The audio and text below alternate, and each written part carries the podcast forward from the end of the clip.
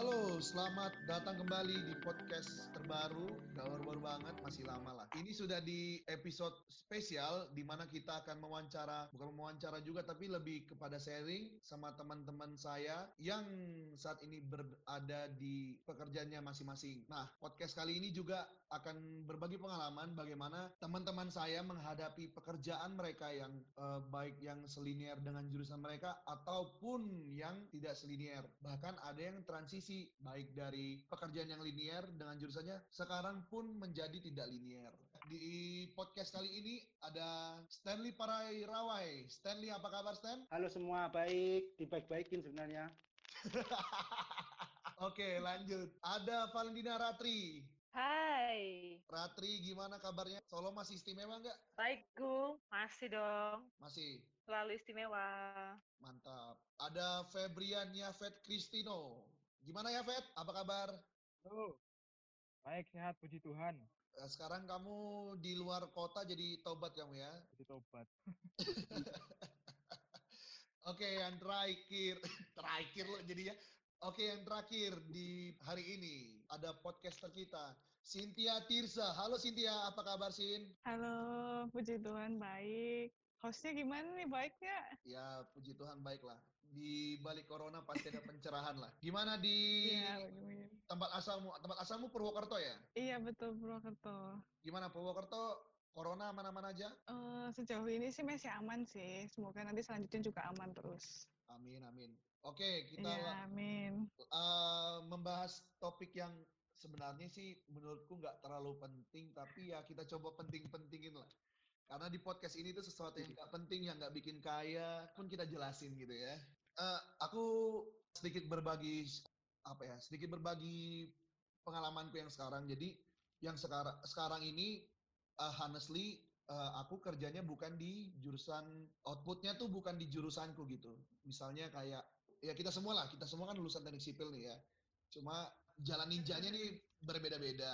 Nah, aku nih kebetulan kerjanya di departemen eh bukan di departemen industri jasa industri jasa terutama di pembuatan plywood. Nah, kebetulan juga uh, Stanley dulunya dulunya kerjanya di dulunya dulunya kerjanya di industri yang berbeda juga dengan jurusannya. Nah, Stan, gimana Stan uh, kamu bisa apply kerja di situ tuh gimana sih? Kamu nggak kepikiran kak buat aku pengen kerja selinier dengan jurusanku gitu? Ya gini ya.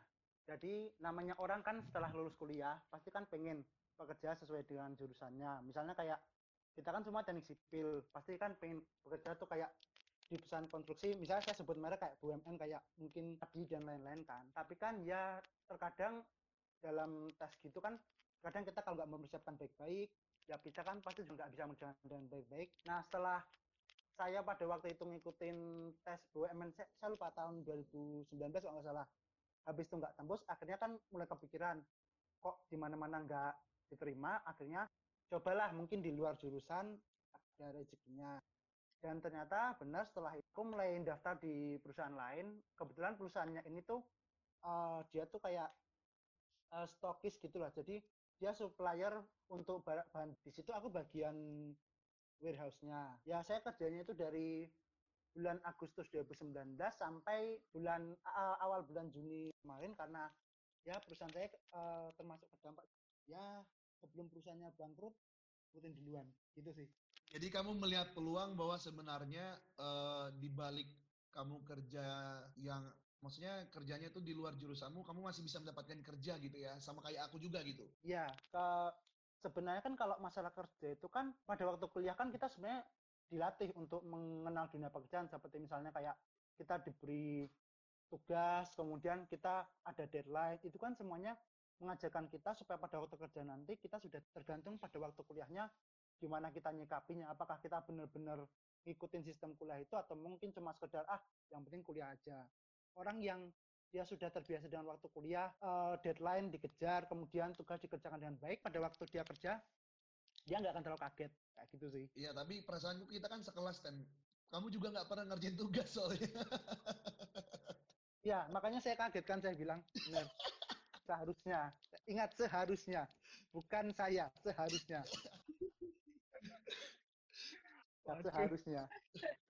Oke oke. Eh, kita lanjut ke Yafet.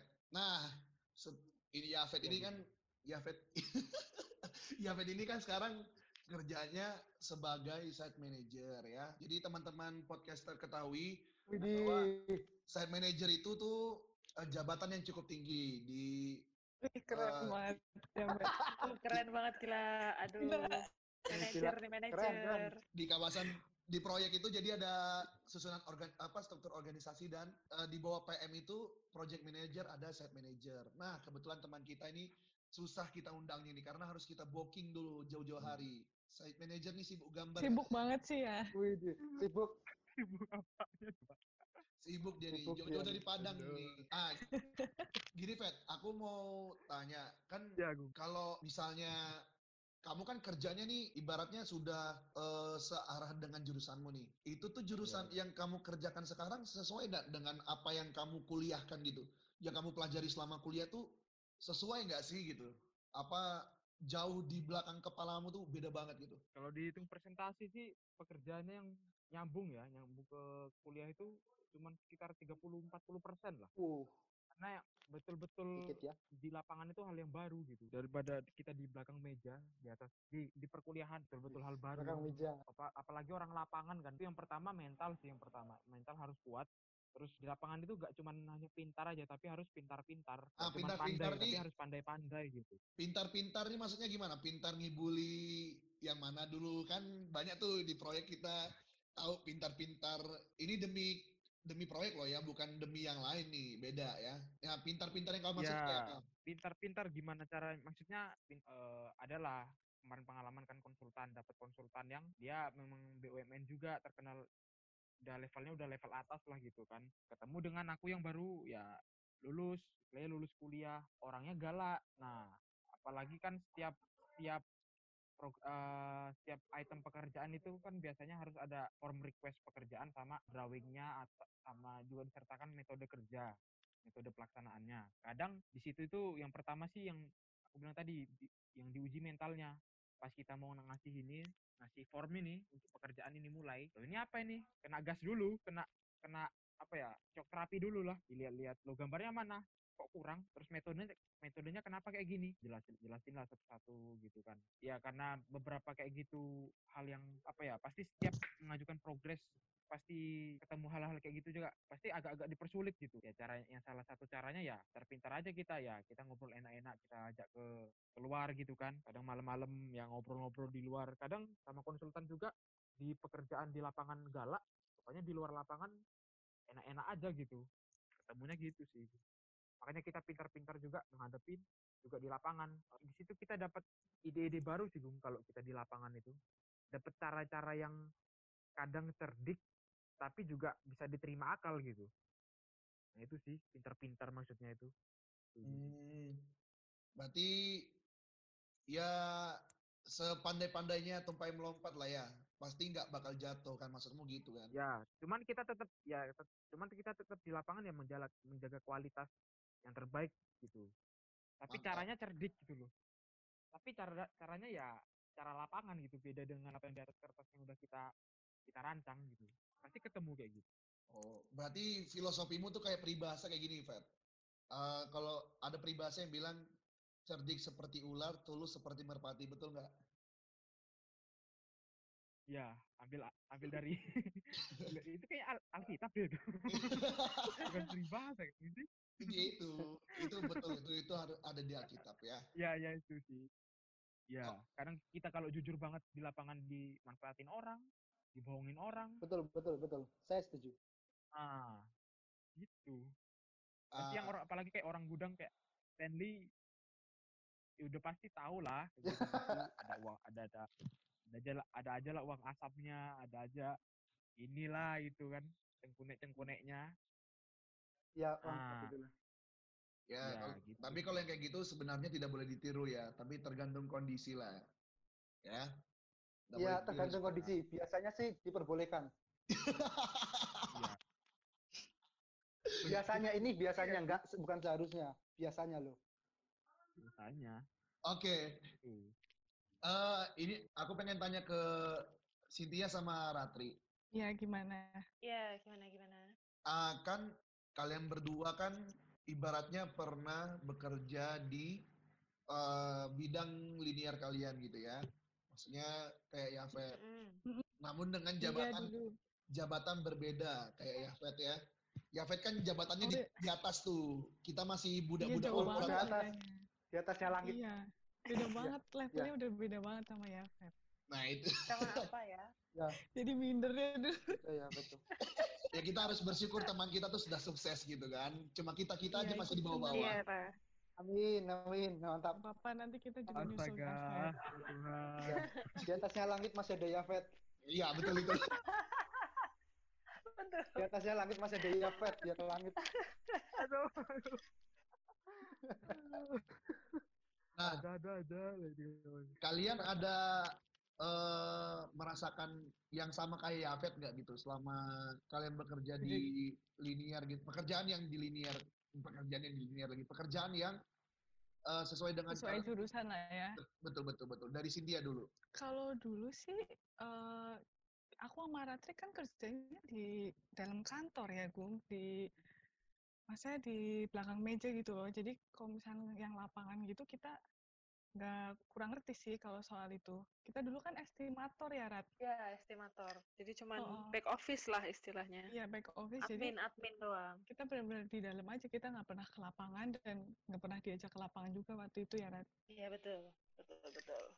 nah ada yang berbeda nggak maksudnya kan estimator dengan teman-teman dengan teman-teman yang di lapangan kan juga berhubungan banyak tuh Eh, maksudnya kerjaannya Kalau aku dulu kan waktu sama Cynthia kan full di office ya. Kantor. oh.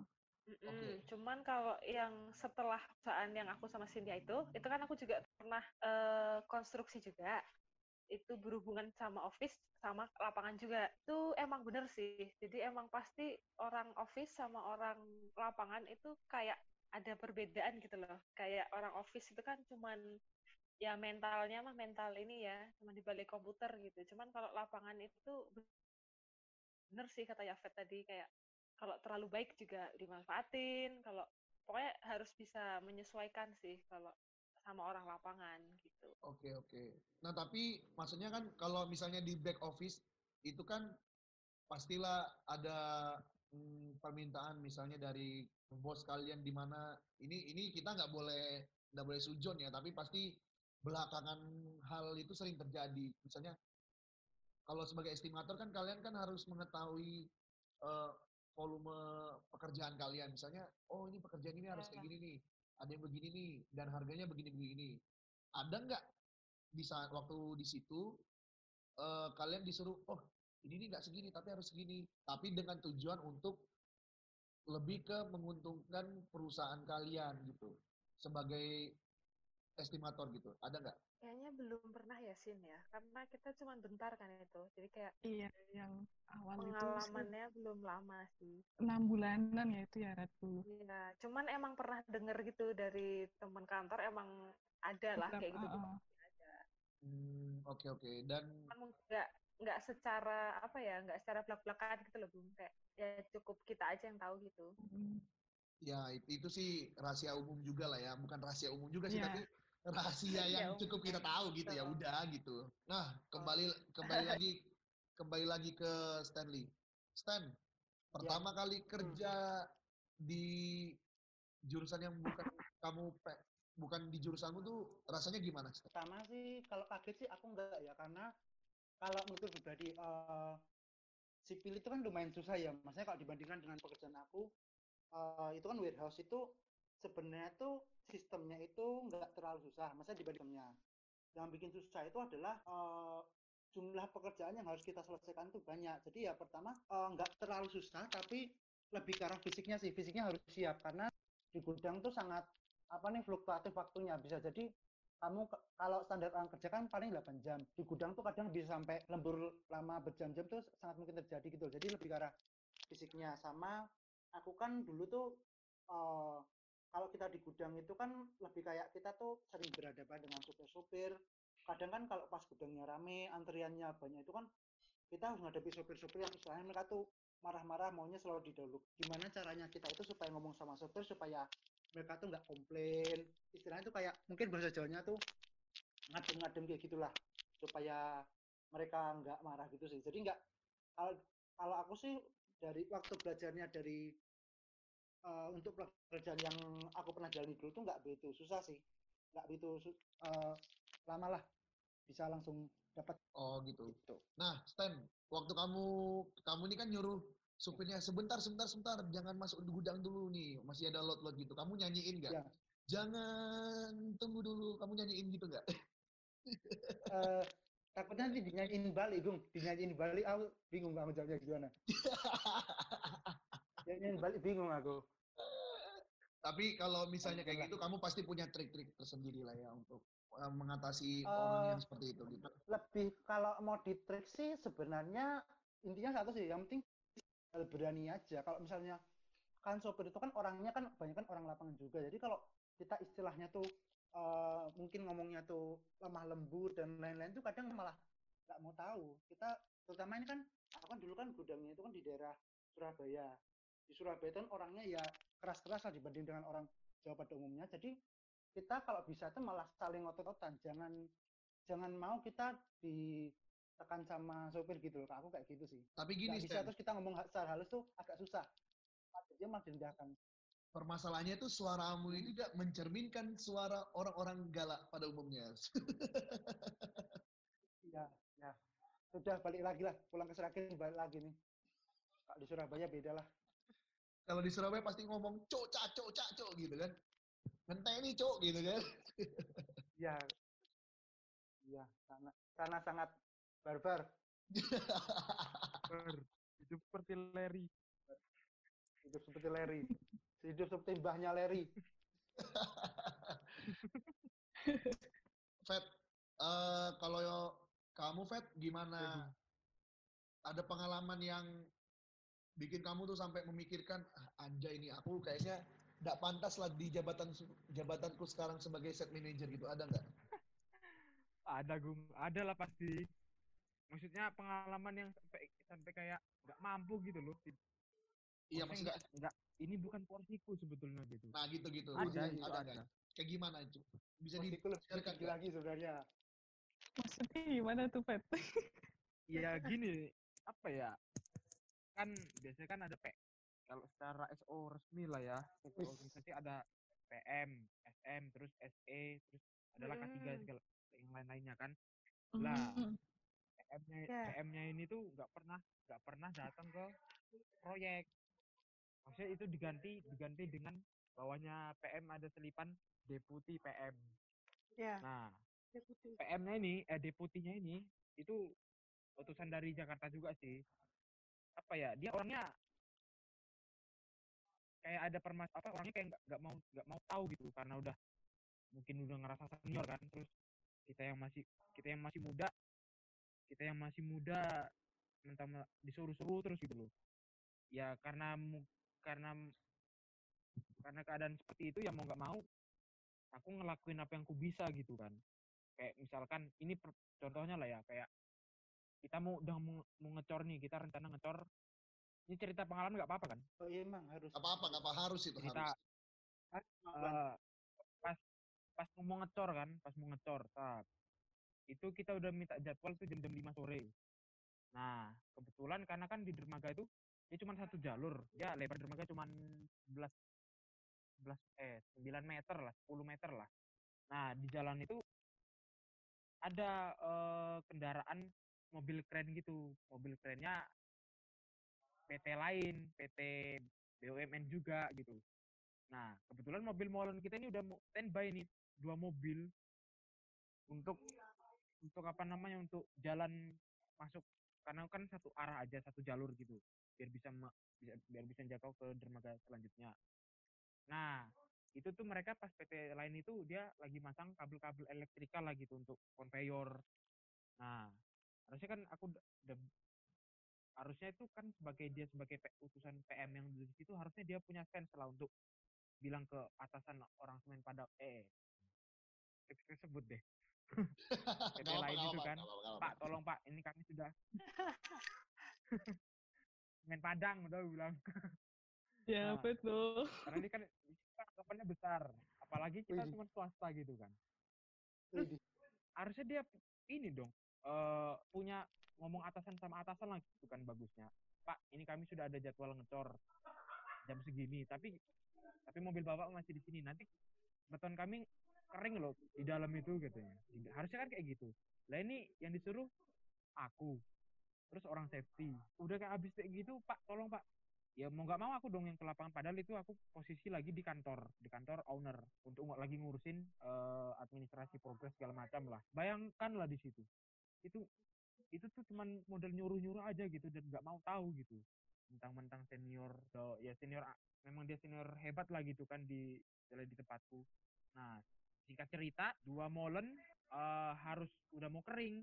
Karena pas itu kualitasnya K450 ya mau nggak mau standby tiga jam di situ udah pasti kering dong di dalam itu tujuh kubik itu isinya kan. Nah setelah itu udah pokoknya intinya saya cerita karena udah lambat gitu eh kering ini kita konkret kita kan konkret pump pakai konkret kan konkret pump di dalamnya itu udah kering udah panas dia karena udah kelamaan di ini kan kelamaan standby udahlah pokoknya di situ aku titik di mana kayak aduh ini kayak kayak kesalahan terbesarku lah tapi cara ini juga aku kecewa juga kenapa kok PM kok PM ku kayak gitu dan nyalahin aku juga gitu loh. Nah, di situ kayak ya untung lah, untung lah aku deket sama mandor pelaksananya kan.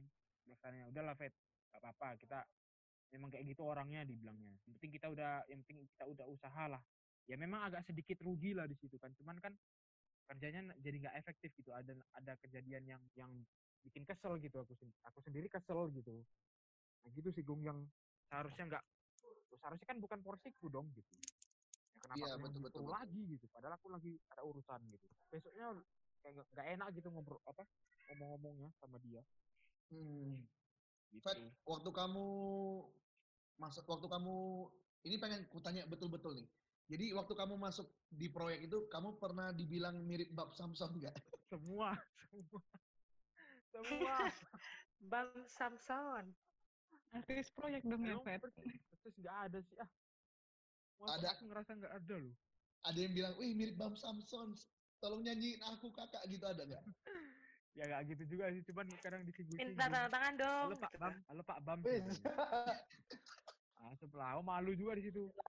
Buatin lagu. Bam, Bam Cigur iya, Bam Cigur. Oke, eh, untuk Ratri sama Cynthia nih, kalian senang nggak sih di posisi kalian yang dulu sebagai estimator waktu kerja dari Ratina dulu? senang, senang apa enggak ya? Iya, senang apa Eh, nggak? mungkin enggak sih, kurang sih. Emang enggak sih. Emang aku tuh emang passionnya tuh sebenarnya enggak di konstruksi, Gung. Enggak suka. Kayak pusing gitu loh. Karena kan kema- sempet ini ya kayak bosnya sendiri pun agak inilah kayak neken kita gitu loh harus ini harus ini harus selesai kayak gitu. Jadi mungkin waktu itu estimator itu nggak nyaman sih, kayak tertekan gitu kita. Kalau Hmm. Cynthia gimana sih? Eh, kalau aku sih sebenarnya nggak jauh beda ya sama Ratri kayak waktu aku pertama kerja itu kan jadi estimator itu aku Hmm. ngerasa aku kurang enjoy sih kayak sebenarnya sih pekerjaannya kayak pekerjaannya itu aku ngerasa itu pekerjaannya itu berat banget gitu loh Ya, dan benar. itu jadi nggak enjoy terus bawaannya tiap hari tuh nggak happy pulang-pulang tuh pasti kayak ngerasanya tuh capek terus malam mau tidur tuh mikir aduh besok harus kerja lagi jadi kayak Hmm. menurutku berarti kesimpulannya aku nggak enjoy kali ya kalau kerja di situ Iya. Mm, Terus kayak bangun pagi tuh kayak males gitu loh mau ke kantor tuh. iya nggak nggak ada semangatnya jadi Bawaannya ya males gitu. heeh, tuh. Emang Kalian- passion kita bukan di konstruksi, guys. iya Tapi kalau kalian berdua sendiri, apa waktu masuk yang kayak kalian berdua bilang tadi kan pasti ada momen di mana ah kayaknya nggak pengen eh, kerja di situ deh karena passionku nggak di situ. Ada nggak sih selama mikir waktu jalanin pekerjaan itu kan pasti setidaknya ada penyemangat lah meskipun pada akhirnya kalian keluar gitu. Ada nggak dari Ratri sama Cynthia? Semangat. Maksudnya kayak Apa ya? kayak teman-teman sering ayo Ratri ayo Cynthia semangat ya kerjanya gitu. Ada nggak kayak gitu-gitu? Kalau waktu itu sih, waktu itu eh, aku aku tuh mikirnya kayak itu kan jarang ya kita bisa satu kantor sama temen kita sendiri, teman satu kuliah, teman sekelas ya nggak.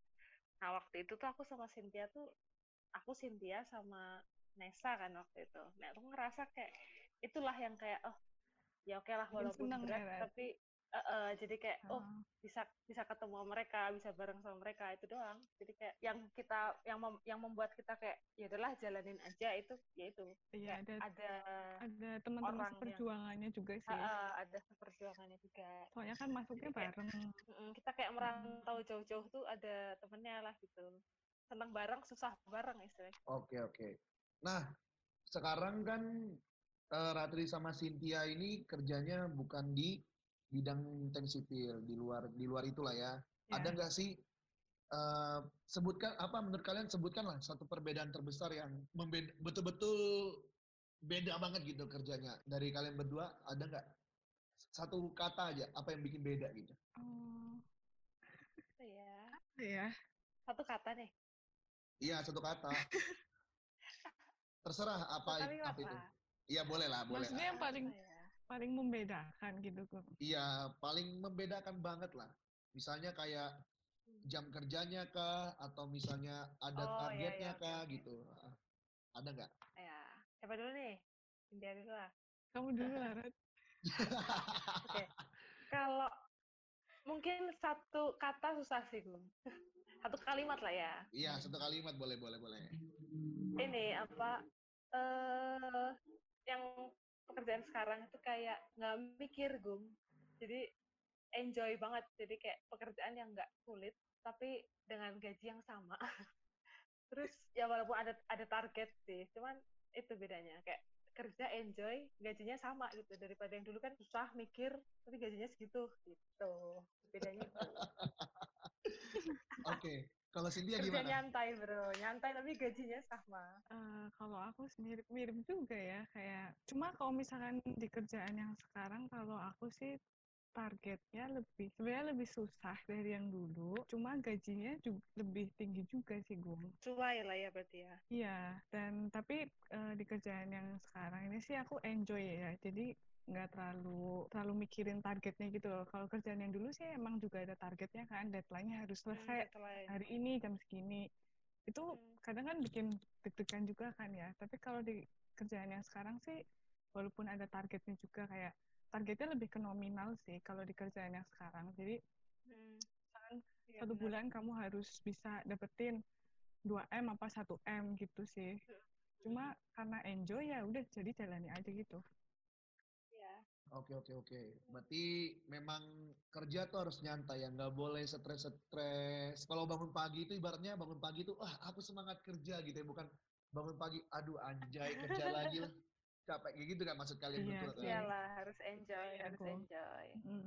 Berarti eh, untuk sekarang kalian berdua menikmati pekerjaan kalian lah ya. ya Iya. so far sih Sampai menikmati saat ini ya menikmati sih. Eh, untuk Stanley nih. Ya. Stanley sekarang kalau disuruh milih kerja, kamu prefer kerja yang jurusan tapi eh, kita nggak boleh ngomong nominal gaji ya, tapi kamu pengen kerja sejurusan tapi dibayarnya ber- eh, tidak sesuai dengan apa yang kamu kerjakan atau kamu pengen kerja di luar jurusanmu dan meskipun kamu nggak suka tapi hasilnya lebih tinggi pilih yang mana? Kalau aku sih karena melihat dari kemarin aku waktu itu daftar sipil di mana-mana kan ya ya banyak yang belum diterima yang belum diterima ya.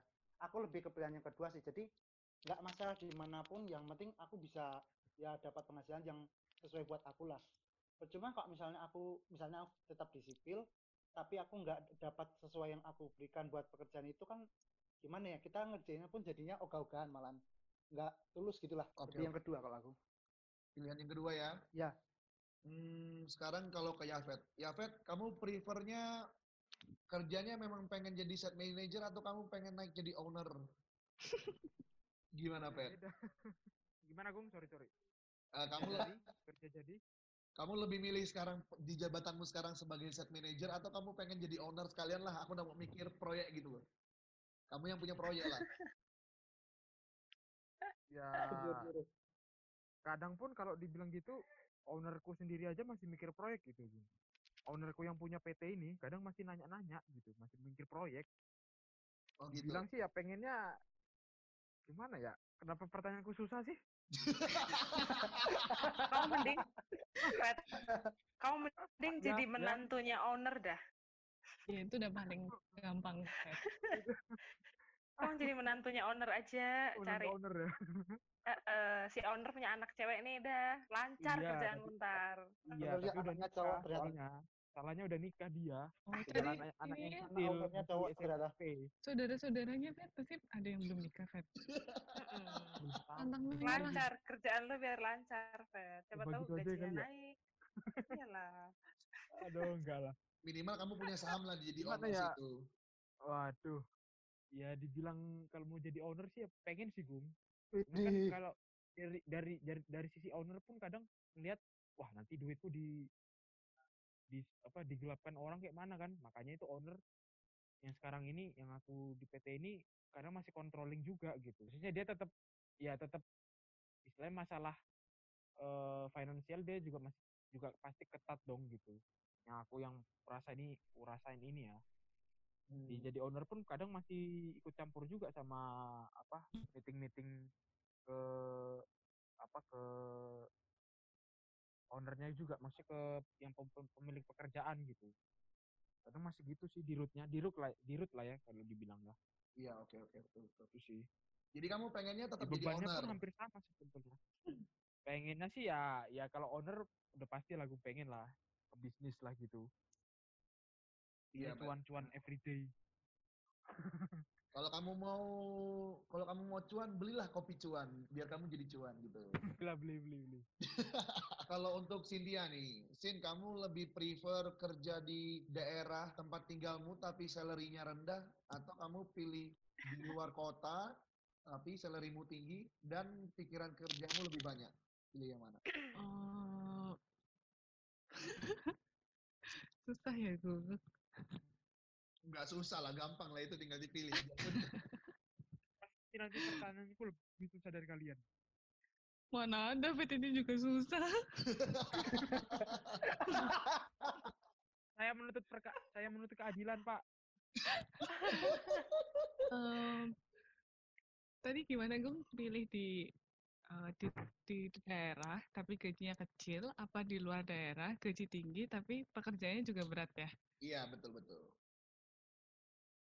Em, kalau aku sih pengennya kayak pilihan kedua sih Gung. Pilihan kedua. Iya, salary ya. iya pengen. Iya salary juga sih sama pengen juga sih keluar daerah. Biar lebih berkembang lagi gitu. Betul. Ini berkembangnya maju apa ke samping nih? Berkembangnya ya berkembang ke atas aja aku. Oke. Kalau Ratri nih. Ratri lebih milih kerja yang berat tapi tinggal di Hmm. rumah atau kerja yang ringan tapi jauh dari rumah. waduh Aduh, Eh, kamu yang madu. nggak ada faktor lain nih. Nggak ada faktor lain selain Kata kerjaan sama rumah. Aduh. ya, itu persepsi persepsi orang beda-beda. Gak apa-apa, pilih pilih aja gitu. Kayaknya, kayaknya lebih pilih kerja berat tapi di rumah sih. Gitu ya. Kalau di luar kan walaupun ringan cuman kan kadang ini ya kayak nggak ada siapa-siapa gitu sama aja. Mending di rumah lah. Oke, oke. Dan yang terakhir nih untuk kalian semua lah ya. Nanti satu-satu ku tanya. Aku pengen tanya seberapa bukan seberapa jadi kita ganti. Eh apakah kalian menyesal nggak masuk teknik sipil? Kita semua kan teknik sipil nih ya. Karena kan output outputnya kita sekarang pun Hmm. berbeda-beda gitu. Kalau dari aku, Ya. eh, dari aku sih aku nggak nggak pernah menyesal masuk teknik sipil. Justru aku senang masuk teknik sipil. Karena kalau aku masuk teknik sipil eh, dan sekarang meskipun aku bukan kerjanya di teknik sipil, aku punya relasi teman tuh cukup banyak. Jadi seandainya meskipun aku resign, pasti aku punya teman-teman yang bisa bantuin aku cari kerja di teknik sipil. kalau aku sih Kalau kalau aku sih Mikirnya memang- sampai ke situ ya. Kalau aku sih mikirnya ke situ, koneksi, lebih banyak koneksi sih. Karena teman-teman kita kan banyak yang sukses. Contohnya kayak ada podcaster kita nih, Bapak Yafet sebagai set manager ya kita nggak perlu pungkiri lah itu ya. Wih, di Alamak. calon owner. Amin. Amin. Amin, Amin, amin, amin. amin, Pet. Amin, Pet. Oke, kalau dari Ratri gimana? Nyesel nggak Rat masuk teknik sipil Rat? Enggak, enggak lah. Ilmunya lebih banyak lah di sipil. Betul betul betul. Soalnya di cuma di teknik sipil aja, di teknik sipil aja bisa belajar akuntansi di situ, manajemen di situ bisa belajar juga matematika, fisika, biologi pun Iya loh, bisa bisa belajar. belajar Juga apa aja. Manajemen Pajak juga bisa. Betul betul. Ya ya ya. Hampir semua mata kuliah, bukan mata kuliah sih, lebih ke jurusan-jurusan itu tuh hampir ada di teknik sipil ya, kecuali kedokteran nggak ada di situ. Farmasi nggak ada juga. Iya, iya. Ya, kalau dari sini gimana? Eh, aku sih nggak nyesel apa masuk jurusan teknik sipil sih enggak soalnya kan ya yang kayak tadi bilang kan ilmunya banyak didapat dan kalau menurutku sih ya lulusan teknik sipil maksudnya lulusan teknik itu punya nilai plus tersendiri sih kalau di perusahaan-perusahaan. Ada nilai plusnya gitu dan banyak kan mereka Hmm. juga membutuhinya lulusan teknik gitu loh Iya, mungkin iya, kan betul. tahu ya dulu teknik kan eh, pelajarannya susah gini kan dan yang dipelajari banyak kayak tadi ada akutan ada mirip-mirip akuntansi manajemen ekonomi gambar pun kita juga belajar jadi sama perusahaan pun yang dilirik duluan pasti yang jurusan dari teknik sih gitu Oke. Ya, Fet, gimana, Fet? Nyesal nggak? Apalagi kamu posisimu kan set manager tuh. Masa nyesal sih? Nggak mungkin lah. Ya, bersyukur sih. Bersyukur bisa jadi bisa masuk teknik sipil gitu. Ya karena yang udah dibilang Cynthia sama Ratri tadi pasti punya nilai plus dan pastinya harus berwawasan luas aja ya. Wawasannya luas gitu. Karena mempelajari banyak hal kan. Betul, betul. Dan Stanley gimana? Ya kalau aku sih nggak nyesal sih, karena kayak yang dibilang seperti teman-teman tadi ya. Ya kita sebagai lulusan teknik sipil itu tetap diperhitungkan walaupun kita mendaftar di pekerjaan yang bukan buat sipil sih. Tetap dianggap wah mampu gitu. Itu sih. Oke. Dan yang terakhir, ini betul-betul terakhir untuk menutup segmen pertama kita, karena habis ini ada segmen yang mungkin menurut kita gak asik, tapi semoga aja lah kita bisa membawanya itu lebih seru lagi ya.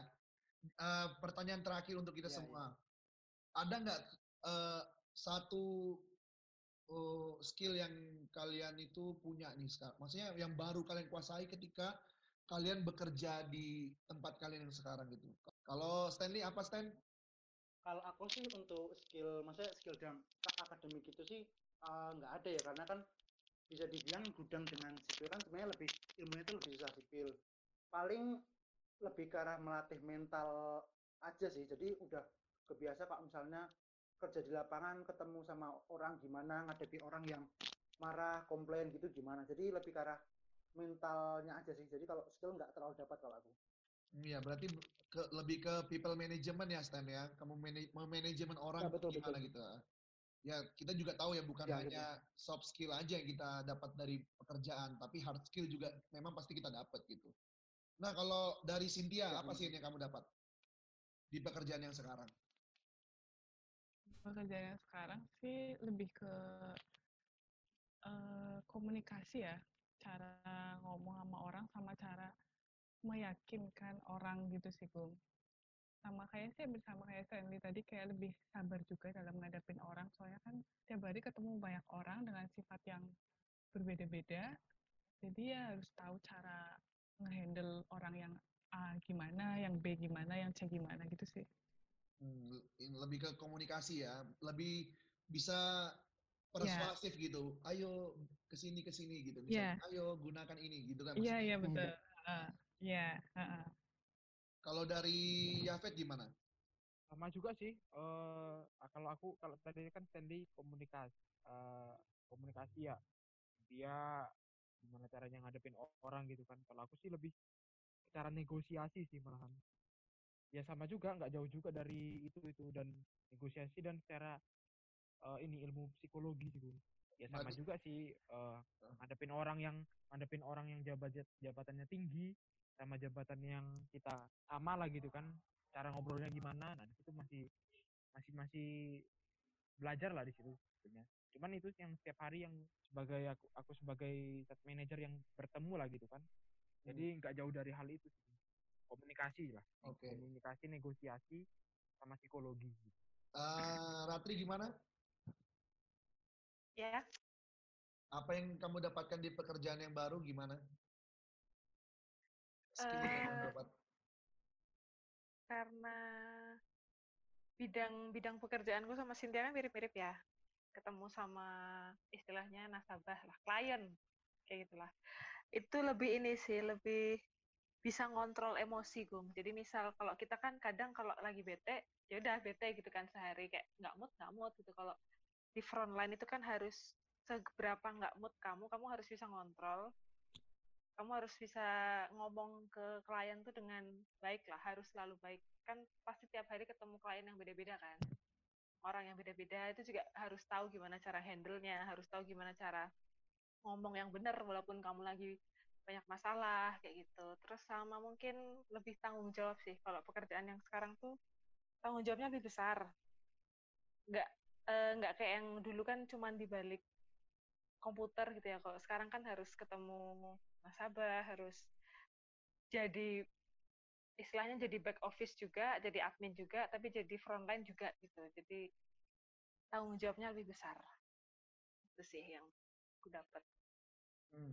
Sama kalau aku sih dari aku pekerjaan yang sekarang lebih bisa ngadepin banyak orang sih. Soalnya pribadi kalau pribadi sih sebenarnya kalau suruh ngadepin satu dua orang aja nggak masalah ya. Cuma kalau udah ngadepin 100 200 orang, oh my god, Iya. itu Iya, itu benar benar.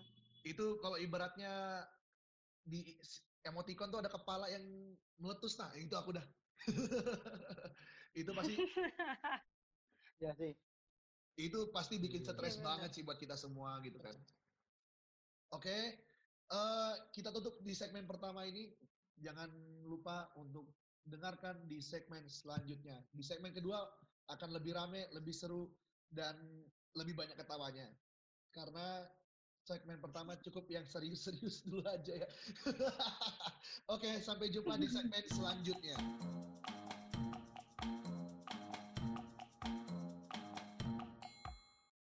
Oke, sekarang kita berada di segmen kedua kita.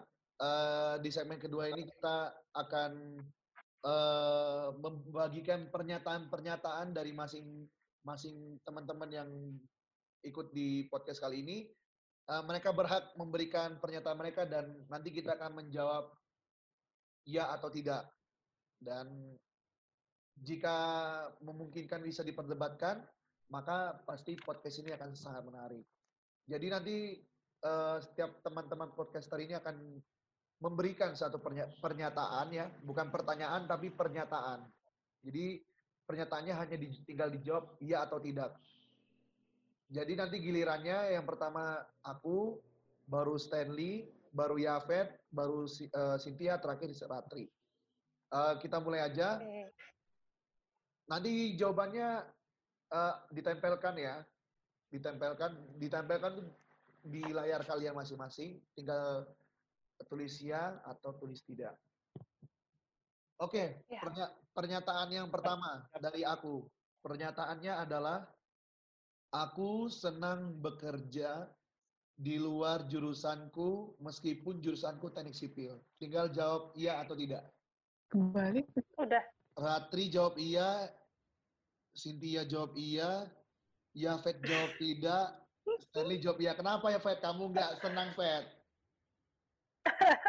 Karena aku masih dalam jurusanku, Pak.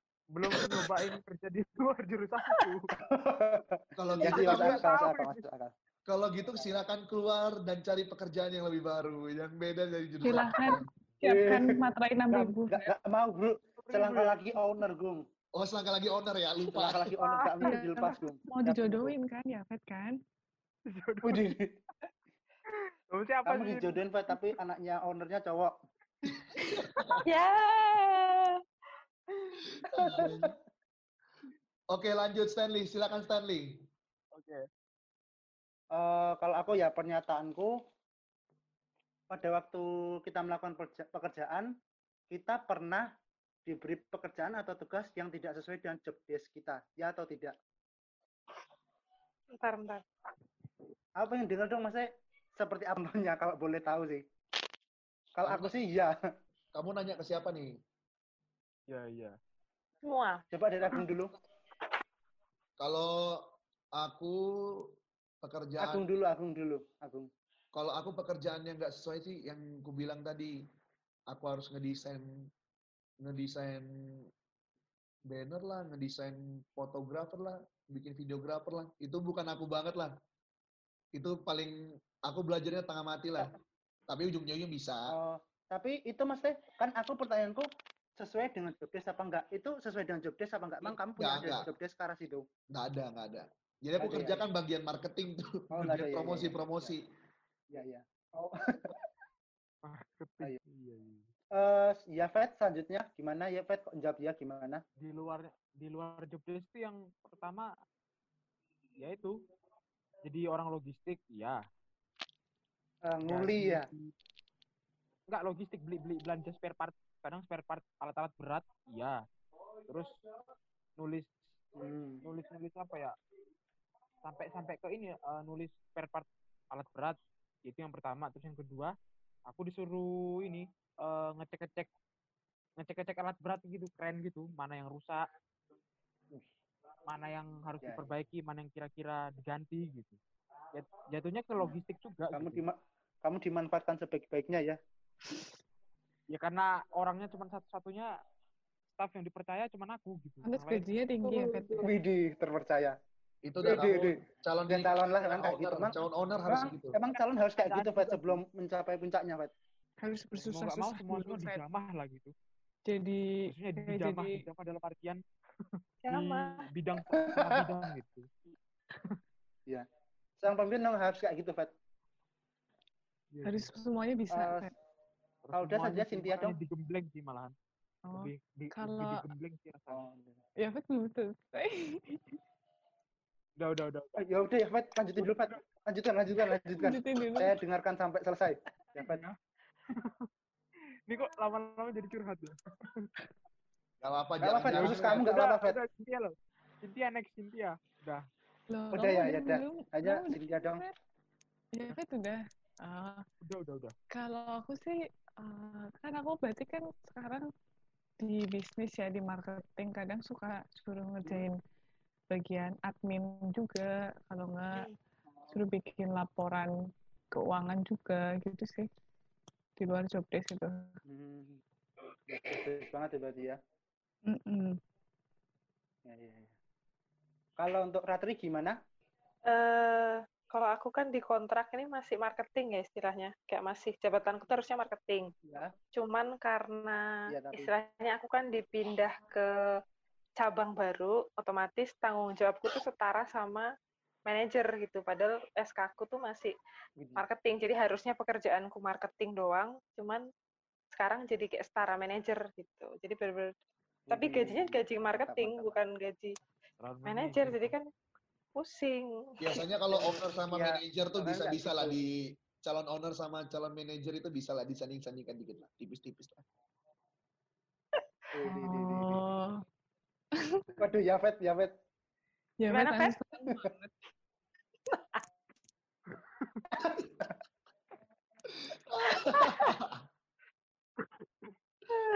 Calon manajer berarti dia. Calon manajer. Enggak lah, masih jauh. oke ya Fed lanjut Ya yang udah. Oke, aku ya.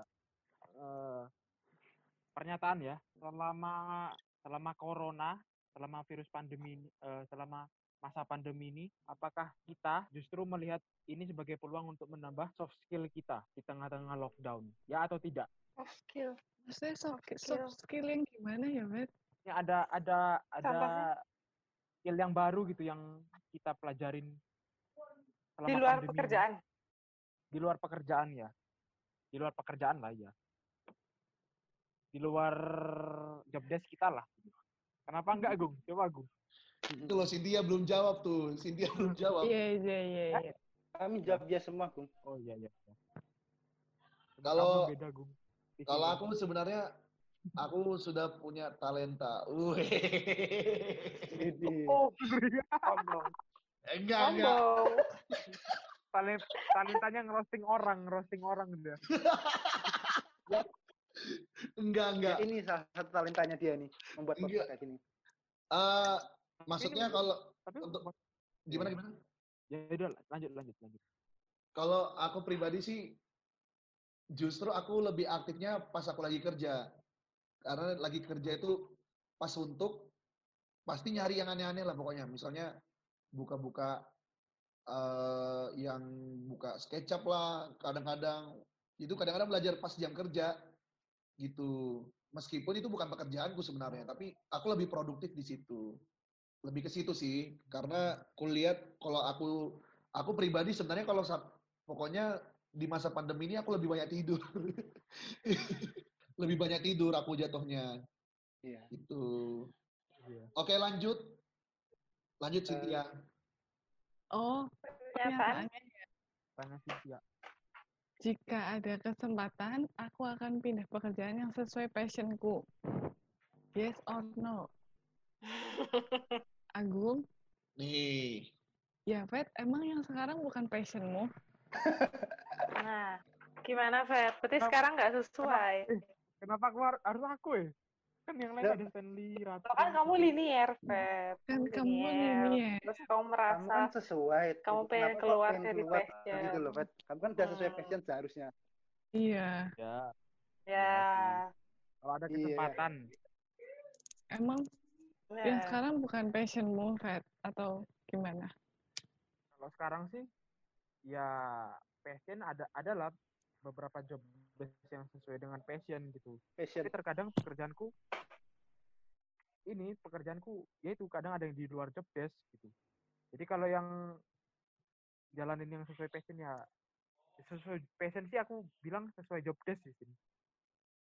Oh, Sesuai job desk. ya Vet, berarti passionnya di sini yang sesuai job desk gitu ya, Vet? Ya, tapi kalau udah bagian-bagian ada bagian yang lain, nah itu Kamu udah nggak mau. pasti Tapi bukannya itu malah jadi eh, nambahin skill kita ya buat misalnya kita disuruh ngerjain pekerjaan yang lain kan malah jadi kayak kita belajar juga, Vet. Iya nggak sih? ada sih iya ada sisi positifnya sisi negatifnya cuman namanya kita manusia kayaknya harus positif thinking lah ya Kamu kebanyakan negatif terus pikiranmu, woi. Iya, ya ya gitu iya, iya. Iya. Iya udah. Ya udah, Vet. Loh, yang lain enggak eh yang lain loh yang, yang lain loh Lanjut Ratri aja, Ratri. Ratri pertanyaan terakhir menutup Ini segmen kayaknya kedua mirip-mirip kita. sih. Mirip-mirip nggak apa-apa lah ya. Gak Nggak apa-apa. apa-apa. Nggak apa-apa. Nggak apa lah ya. Pernyataannya, aku lebih memilih bekerja sesuai passion dibanding sesuai jurusan. Oh, yes kalau or itu, no?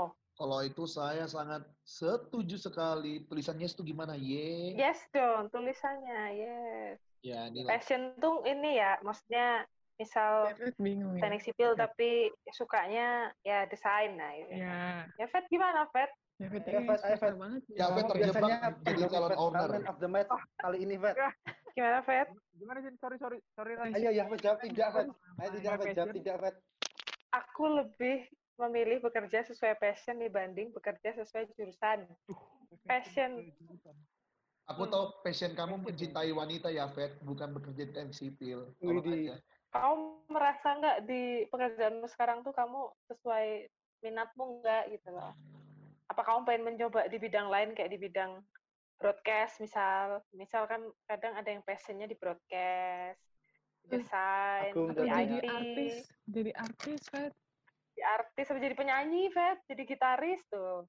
Cynthia, Pemain Iya. musik. Stanley, kita Ya, ah, mungkin kita harus ya? men- menutup video kita dulu biar mereka berdua memesraan sedikit lah. Oh iya. Ya widih. udah. Siap, siap, siap. Tutup dulu, tutup dulu, tutup dulu, tutup dulu. lo lo lo lo lo lo pada keluar lo maksudnya apa sih Nggak keluar, gua. Udah, udah buka, buka, buka, buka. enggak pas ini, lah yes yes yes yes Oke, siap. passion ya yes yes Ya berarti? dah Oke, kesimpulannya, kesimpulannya eh, teman-teman kita di sini bekerja sesuai dengan porsinya lah, ya. Bekerja dengan baik-baik, bekerja dengan setulus hati, dan salary-nya harus tinggi. Betul kan saudara-saudara? Ya, Ya, betul, betul. betul. Terima kasih lagi Betul, buat betul, betul. eh, semuanya yang sudah hadir di podcast pada hari ini. Eh, di episode kali ini juga ada eh, teman-teman. Sekali- kita mau bikin pengumuman sekali lagi ya. Selamat buat Febrian Yafet Kristino telah terli- diterima di S2 Universitas Indonesia. Wuh! Widih. Selamat, selamat. Thank you, thank you guys. Owner Thank you, S2 guys. Selamat. gitu. Iya, Fit keren Ya, banget. benar. Ya, aku song terus. Thank you. Emang bener Pak, peribahasa di atas langit masih ada Yafet. Orang lain langit masih ada Yafet. S2-nya di ITB, langit ada Yafet di, nanti. di Atma Jaya. Dia sendiri yang di UI nih, keren sekali. Luar biasa ya, saya Mulai kapan, ya. Belum tahu sih, Sin. Masih nunggu informasi sampai akhir Agustus sih. Oh, Tapi- Informasi apa?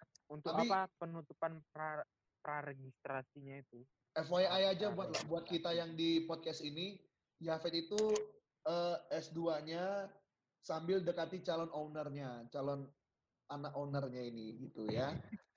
widih. Oh, Menantu owner, menantu owner. Calon menantu owner. syarat syarat untuk menikahi menantunya owner ya, Fit. Harus Iya, S2 iya, iya. berarti. Berat banget sih, Bet. Tapi nggak apa-apa, Bet. Ditempuh aja, Bet. Kan- Untuk Tunggu S2. undangannya. Tapi aku jujur aja apa ya terasa encourage terencourage sih maksudnya dengan teman teman Insecure. kerja kayak gini kan jadi Gimana? semangat Gimana, gimana, Bet? masih masih Sorry, aku semangat nggak paham. Encure, encure apa? Insecure, maksudnya. enggak Oh. encourage encourage Oh, encourage. Oh, encourage. Encourage. Kan Encourage. biasanya encore, encore aku nggak bingung, tak kira insecure. Enggak, tem- Encore, encore gitu sih. ah black water black water Maaf, maaf. teman podcast teman-teman podcast Yafet ini kan habis tes di UI jadi mohon maaf lah ya suaranya itu agak sedikit nggak nggak bisa dikeluarkan full gitu loh karena masih hawa-hawa UI-nya tuh masih terasa gitu. Kalau UI ya, kalau anak UI. Level kan nggak sudah beda sama kita, Gung. Levelnya Bahasa Indonesia beda. udah beda sama kita dia sebenarnya. Aduh, sama-sama makan nasi kok Enggak, perbedaannya cuma satu. Perbedaannya cuma satu aja, Fet. Kamu nanti selama di S2, kamu bakal ngomong literally which is which is gitu nanti. Sama kita nggak nyambung. Literally, which is, Ya. it's like, Kita nggak nyambung, Bet. Maaf. Karena Kita udah beda, Bet. Kita udah beda kasta nanti. Enggak lah berarti kerjamu stop dong. kalau masih mungkin masih daring ya sambil sambilan sih Rat. Loh, Tapi kalau Kenapa sih kok pengen S2, Fit? Kamu Ada sangat sih satu- bersemangat sekali, Fed. satu hal yang Ya, benar. pengen aku capai gitu sih Sin. tapi aku nggak bisa cerita di sini intinya aku ter Ya, ya. intinya Ya, aku siap, siap. ter terasa apa ya dari sharing teman-teman berasa ini sih berasa diberikan semangat lagi buat Widih, jangan tahu. giat lagi lah lebih berapi-api nggak serius jujur jujur lah Iya, udah kebakar semua nih. Oke, sekali lagi terima kasih buat Febrian Yafet, Kristino Oke, yang you, ada di, thank Pa- you, thank di you. Padang. Terima kasih Validina Ratri yang sekarang lagi di Solo. Terima kasih Stanley yang Ya, lagi di. Sragen. Dan terima kasih Cynthia yang ada di Purwokerto. Dan terima kasih teman-teman podcast yang sudah mendengarkan podcast kali ini. Sampai jumpa di episode selanjutnya. Bye-bye semuanya. Terima kasih. Bye-bye. Thank Terima you. kasih. Bye-bye.